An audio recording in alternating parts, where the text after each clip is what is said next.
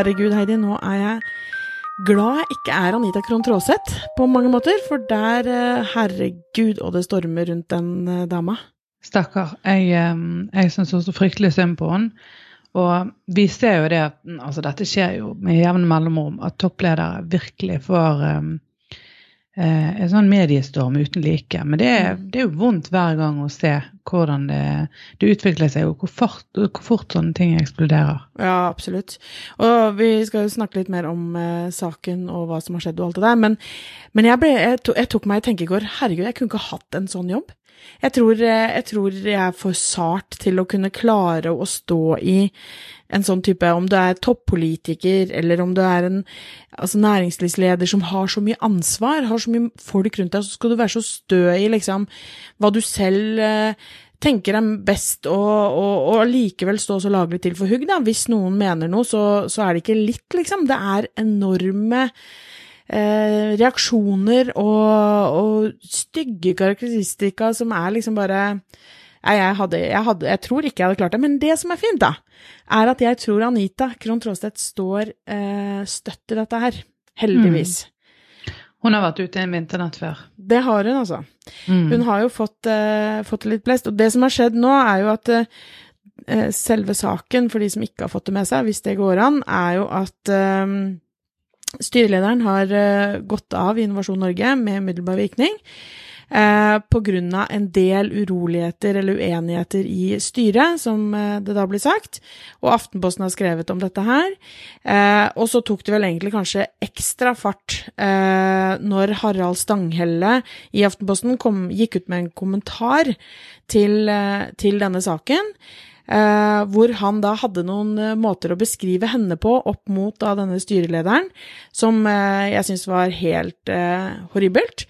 Og som heldigvis Susanne Kolitza også uh, syns var helt horribelt, så hun skrev om det og har fått masse støtte, og eller Anita da, har fått masse støtte rundt det. For det Harald Stanghelle skrev, var at ingen kan frata Anita Krohn Traaseth at hun er drivende dyktig bruker av sosiale medier og en ivrig profilskaper. Det var på en måte de, den rosen han kunne liksom gi til henne, opp mot da denne styrelederen som var en veldig flink eh, forretningsmann. Eh, og det, det han eh, Harald Stangel da skrev, er, sier jo egentlig bare Hun er skikkelig god på Facebook, og så liker hun å stikke seg fram. Sånn leser jeg liksom det.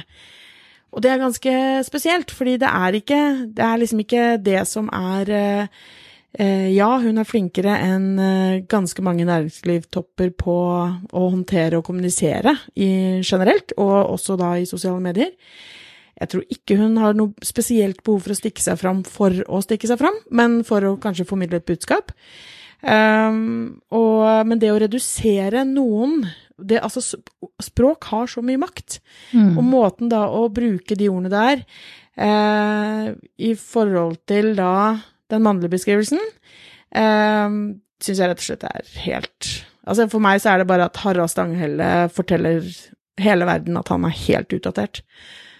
At han har Ja, litt det er akkurat det. oldtidsholdninger. Jeg, også, jeg ser på det som utdatert. For jeg tror det at den respekten for eh, moderne lederskap eh, Det er jo òg mange definisjoner på det. Men altså eh, moderne lederskap i den forstand at man også tør å, å bruke seg sjøl i eh, både profileringen av en merkevare, en, en virksomhet, eh, men, men også litt tydelig lederskap i forhold til internkultur. Sånn som Anita Krohn har gjort eh, også i HP nå, jobbet der, og, og vært veldig opptatt av um, og vært en foregangsfigur på mange måter i, i hvordan skape eh, god internkultur, hvordan skape åpenhet. Mm. Og det med at eh, lederskap tradisjonelt sett har vært et mye mer hierarkisk eh, oppbygd system, så, så blir det både flatere struktur og at man har flere som involverer seg i flere prosesser i selskapet.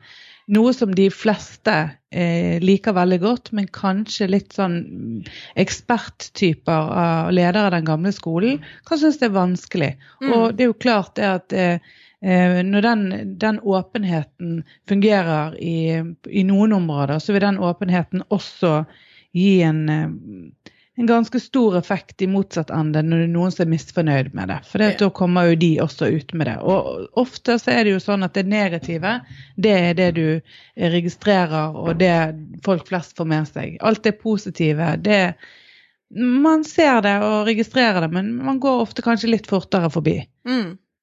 Ja, det tror jeg òg. Jeg tror at eh, eh så, altså det, den jobben som Anita Krohn Traaseth har fått her, med, med, Innovasjon Norge, da, som sa hun gikk fra HP til Innovasjon Norge, eh, det var jo å, å ta over et, et selskap eller, eh, som da skulle inn i en kjempestor omstillingsprosess. Mm. Ikke sant? Og det er, jo, det er, jo, ingen tvil om det. Altså, det er ingenting som gjør så vondt som endring for veldig mange mennesker. Mm. Eh, og det å gjøre den prosessen da Og det, det vet jeg at Anita helt Eh, er helt bevisst på at hun, hun, forstår at da er det en del ting som eh, eh, Noen som ikke blir fornøyd. Mm. Sånn må det på en måte være. Men allikevel så er det det er noe med hvordan media håndterer dette her, syns jeg. Eh, at uh, måten man uh, Ville noen blitt Ville mann blitt beskrevet på samme måte som det der? Avfeid alt sånn tall og resultater og alt hva man har oppnådd, til liksom bli sånn Ja, men hun er god på Facebook og liker å stikke seg fram. Du mm. ville aldri sagt det om en mann. Eh, og jeg syns det er bare sånn Har vi ikke kommet lenger i 2018? Det er helt krise. det er Heldigvis er det folk som vet om alle disse resultatene og alt det som hun har fått til, eller de har fått til under hennes ledelse. Eh, de har endra saksbehandlingstiden, er redusert fra 60 til 4 dager. Eh, de har satsa mer på bærekraft, de har 25 flere bedrifter har fått støtte til å satse internasjonalt, og ikke minst, selskapet ble kåra til landets mest attraktive arbeidsplass blant økonomer i fjor. Altså, mm. det, sånn har det ikke vært med Innovasjon Norge før. Det har vært en mye mer sidrumpa, tung organisasjon som ikke nødvendigvis har vært det ordet som de, som de faktisk har i navnet sitt. Um, så, så det, er, eh, det er ikke noe tvil om at hun har skapt noen resultater, men allikevel så er det altså de sånne flåsete nedgradering eh, i beskrivelsene hennes som gjør at uh, jeg rett og slett ser rødt. Jeg blir gal mm. Jeg syns det er Men, så tullete. Vi, ja, det er det. Og når vi snakket om dette litt i forkant, eh, så ble vi jo enige om at vi har eh, veldig mange dører vi kan åpne i dag. For mm. Vi kan snakke om eh, kvinner i toppstillinger, vi kan snakke om eh, omstilling i virksomheter, vi kan snakke om innovasjon som fenomen, vi kan snakke om denne spesifikke saken, vi kan snakke om politiske føringer på offentlige virksomheter. Eh, altså, det er enormt mye å ta av, og det er jo det som er det er jo det som er medie, og ikke minst medies håndtering av mm. sånne typer saker. Eh, for det at det er, generelt, det er generelt ganske vanskelig, tror jeg, fremdeles for kvinner i toppledelse, spesielt i omstrukturering. Og det er jammen ikke lenge siden vi hadde denne Kristine Meyer-saken, mm. som virkelig eksploderte. Der var det jo også politiske føringer som, som lå til grunn for den helt store eh, oppvasken. Eh, og, og, og det, er, det, er, noe som folk er veldig opptatt av og interessert i. Eh, jeg syns jo òg at man ganske kjapt går til litt mer sånn personlige egenskaper. Jeg, jeg syns at det er veldig eh, det er ganske mye kjipere å lese karakteristikkene, for det går litt mindre på fag og litt mer på person. Mm. Ja, og media har bare så enormt stor makt, som du nevnte i sted. Dette med språket. Måten å bare lage en overskrift eller en ingress på, det legger allerede premissene for hvordan man tenker om saken. Og mange leser jo ikke resten engang. Mm. Så jeg så f.eks. i E24 i dag, så står det dette er konflikten med Innovasjon Norge-sjefen. Det er ikke første gang det blåser kraftig rundt Anita Krohn Traaseth. Og da har du definert at det er en konflikt. Ja. Det er en stor ikke sant? Altså, det er... Og det er ikke første gangen. Det betyr Nei. at hun er en ganske vanskelig person. Altså, mm. de, de, klarer De kan egentlig gjøre det til en, en uh, Ja, det, de gjør en det til et premiss veldig tidlig. Mm. og, de, og, til en sannhet. Uh, og, og, selv om ikke nødvendigvis at verken denne saken eller alle andre sånne typer saker som har med kvinner i enten omstilling eller toppledelse har med kvinnerollen å gjøre, så vil det alltid ha noe med kvinnerollen å gjøre. Mm. Altså, Situasjonen som har oppstått, trenger ikke nødvendigvis ha med det å gjøre. Men, men eh, diskusjonen i kjølvannet av det og behandlingen, vil nødvendigvis ha eh, noen um, ganske viktige elementer av, eh, av kjønnsroller i, i saken. Mm. Og, og, dette her med, med, både språk og måten vi ser på kvinner i, i lederstillinger, der er det jo gjort mange spennende studier. Og, og Susanne Kalussa hun gjengir jo den ene som vi kjenner til fra før av også i går. Den som er fra eh, Ja, er det fra Howard? Ja, der, Howard Business School. Ja, der det er en uh, Howard og Heidi som uh, Et eksperiment som ble gjort der de innehar like egenskaper, men studentene likte ikke Heidi og ville verken jobbe for henne eller ansette henne, mens Howard ble vurdert som en sympatisk sjef, og de ville gjerne jobbe for han. Og, og, det gjorde jo Markedshøgskolen et tilsvarende eksperiment på i 2015. og det kom akkurat kom ut på samme måte. Mm. Og, og det, det, er ganske viktig. Det er ikke noe som man bare kan legge i en skuff og si at ja ja, det var synd. Mm. For, det er helt relevant i all vår, eh, altså vår fortolkning eh, av sånne saker som kommer opp. Og dette her var jo ikke menn som favoriserte menn og kvinner favoriserte kvinner. Nei, både menn og kvinner favoriserte mannen mm. med disse egenskapene mm. som kvinne. Så dette ligger jo veldig Ja, det ligger jo veldig i oss. Det gjør det, og det er, det er helt grusomt å tenke at det er sånn det er. Og at det er sånn fortsatt. At det er eh, For sånn som det, den undersøkelsen her, hvor det, liksom, det, er, det er delt i to, de blir presentert den helt samme historien om disse menneskene, men de har bare eh, et annet fornavn. Eh, så det er liksom ikke Du har ikke sett personene, du, ikke, du, legger ikke i stilen eller alt mulig annet som man kan lese en del ting inn i. Så vi vet jo da at en kvinne som, som på en måte er eh, eh, altså ambisiøs og bestemt og sant, vil ting og sånn og sånn, blir omtalt kanskje som å ha spisse albuer og vil gjøre det hun vil for å komme til toppen, mens en mann vil være handlekraftig, ikke sant. Altså det er sånne og det er jo helt frustrerende. En ting er for, for vår del, og eh, sånn personlig så tror jeg vi klarer oss fint og sånn, og det er greit, men jeg, jeg får jo helt Jeg satt og diskuterte dette faktisk litt med ungene, for vi så på den nye serien på NRK. Mm. Eh, den eh, Heimebane. Veldig bra serie for øvrig. Mm. Eh, vi så slukte begge episodene med en gang, og satt der med mine tre barn, og Glenn fikk være med. Mm. Men det var da to, to gutter, de er nå 12 og 14, og Linnea blir snart 10. Og så måtte vi sitte Dette her handler jo da om Andal Torp som eh, får en jobb som eh, eliteserietrener. Mm. Eh, og jeg måtte pause flere ganger underveis for å liksom bare poengtere overfor ungene at de bare men hæ, hva mener de, liksom? Hvorfor er det Er det sånn? Kan de slenge så mye drit til henne bare fordi hun har fått en ny jobb? Hvorfor er det så annerledes at hun er kvinne framfor at hun er mann?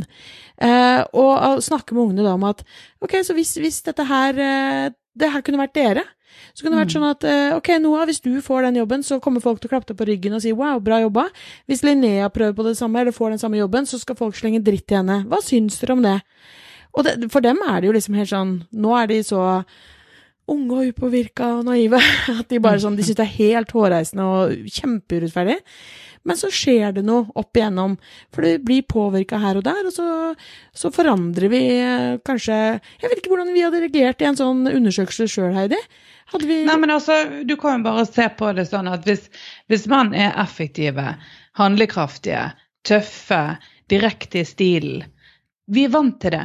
Mm. Hvis en dame er det, Syns ikke du at vedkommende ofte er litt sånn hard, litt mm. vanskelig, mm. eller litt, noe du kan bli litt utrygg på, eller For det handler jo ikke om vår bevisste tanke om hva vi har foran oss. Dette her kommer fra et ganske mye dypere sted. Det handler mm. om forventninger, det handler om hva vi forbinder med eh, mennesker og kjønn i ulike kontekster. Eh, så, så, jeg er helt skråsikker på at jeg fortolker kvinner og menn ganske mm. forskjellige. Eh, og jeg er også helt sikker på at jeg i en sånn undersøkelse kanskje kunne ha skuffet meg sjøl veldig med mm. å gjøre tilsvarende vurderinger. Og, og, det tror jeg at det må vi jo nesten bare erkjenne, at mm. uh, sånn er de fleste av oss. Og så må vi um, for det at Vi må nesten begynne med en erkjennelse for å kunne gjøre noe. Så må vi heller bare, ja, men for det handler jo om å være bevisst mm. og tenke at neste gang du da møter på en eller har en som har en sånn stil som kanskje er det som vi klassisk ville kalt en maskulin stil, eller en henholdsvis feminin stil for en mann, eller hvis man fremdeles i det hele tatt eh, kategoriserer på den måten. Og det gjør vi jo på et mm, vis. det. Og at vi kanskje tenker at ja, neimen, det er jo Enten kan det være egenskaper vedkommende tillegger seg for å oppnå den samme respekten, eller Mm. menn som bevisst har gått omtrent på kommunikasjonskurs for å, å fremstå litt mer empatisk og bruke hendene på en annen måte. Og, ja, men det, det gjør jo begge, Mm. begge kjønn, eh, gjerne for å oppnå litt forskjellige ting. Eh, og det er, det er veldig interessant hvis vi begynner å gjøre noen sånne litt bevisste observasjoner og diskusjoner. Mm.